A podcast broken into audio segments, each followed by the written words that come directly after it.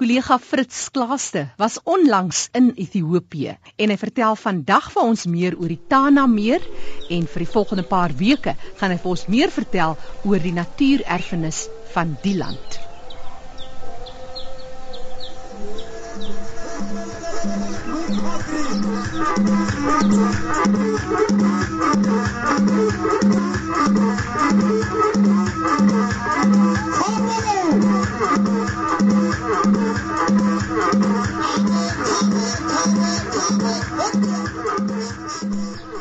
Dis die oggendklanke en die ritme van 'n land Ethiopië in die hoorn van Afrika.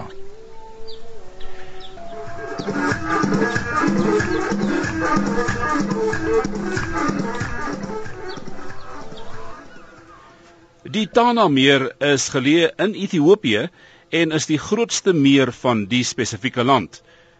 Dis ook die bron van die Blou Nylrivier. Die meer is geleë in die Amara streek, dis in die noordweste van die Ethiopiese hooglande en die grootste stad Bairdar op sy oewer. Bairdar is die hoofstad van die Amara streek. Wat die meer indrukwekkend maak, veral vir ons Suid-Afrikaners, is dat dit 84 km lank is. Dis verskriklik groot, 84 km en 66 km op sy breedste. Die gemiddelde diepte is so rondom die 15 meter. Die Tana meer word gevoed deur die Lesser Abbey rivier, die Reb en die Gumara riviere. Sluise is opgerig waar die Blou Nyl uit die meer vloei en derhalwe word die vlak van die meer beheer deur die sluise, sowel as die uitvloei van die Blou Nyl uit die Tis Abai watervalle en ook die nabygeleë hidroelektriese kragstasie.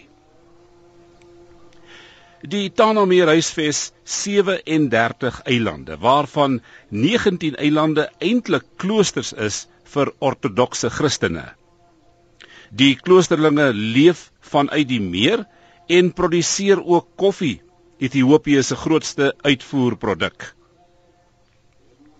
Daar is nie landrye nie, dit is heeltemal 'n natuurlike produksie van koffie. Die meer onderhou ook 'n groot vissersgemeenskap. Volgens die Ethiopiese Visserye Departement word daar 1454 ton vis per jaar slegs in Bairdar gevang. En volgens hulle berekeninge is dit maar 15% van die beskikbare viskwota.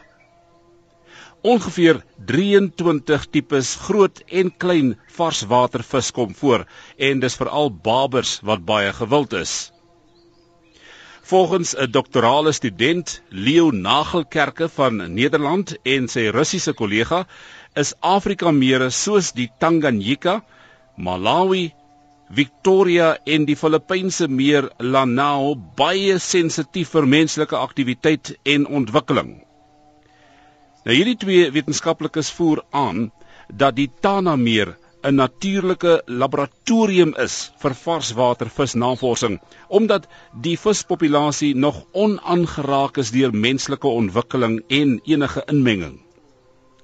Die wetenskaplikes is ernstig en versoek die wêreld se wetenskaplikes om druk toe te pas dat hierdie unieke biodiversiteit en varswater ekosisteem ten alle koste beskerm moet word. Die Tanameer huisves voorts ook 15 verskillende spesies skulpdiere. Verskeie vleilandvoëls soos die groot wit pelikaan en die Afrika slanghalsvoël kom voor, asook verskeie palearktiese trekvoëls.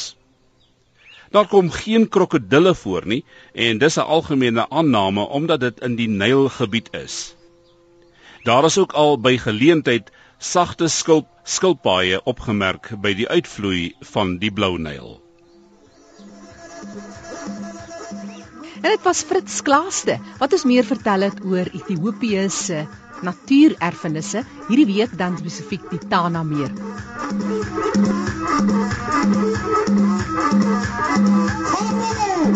Hallo!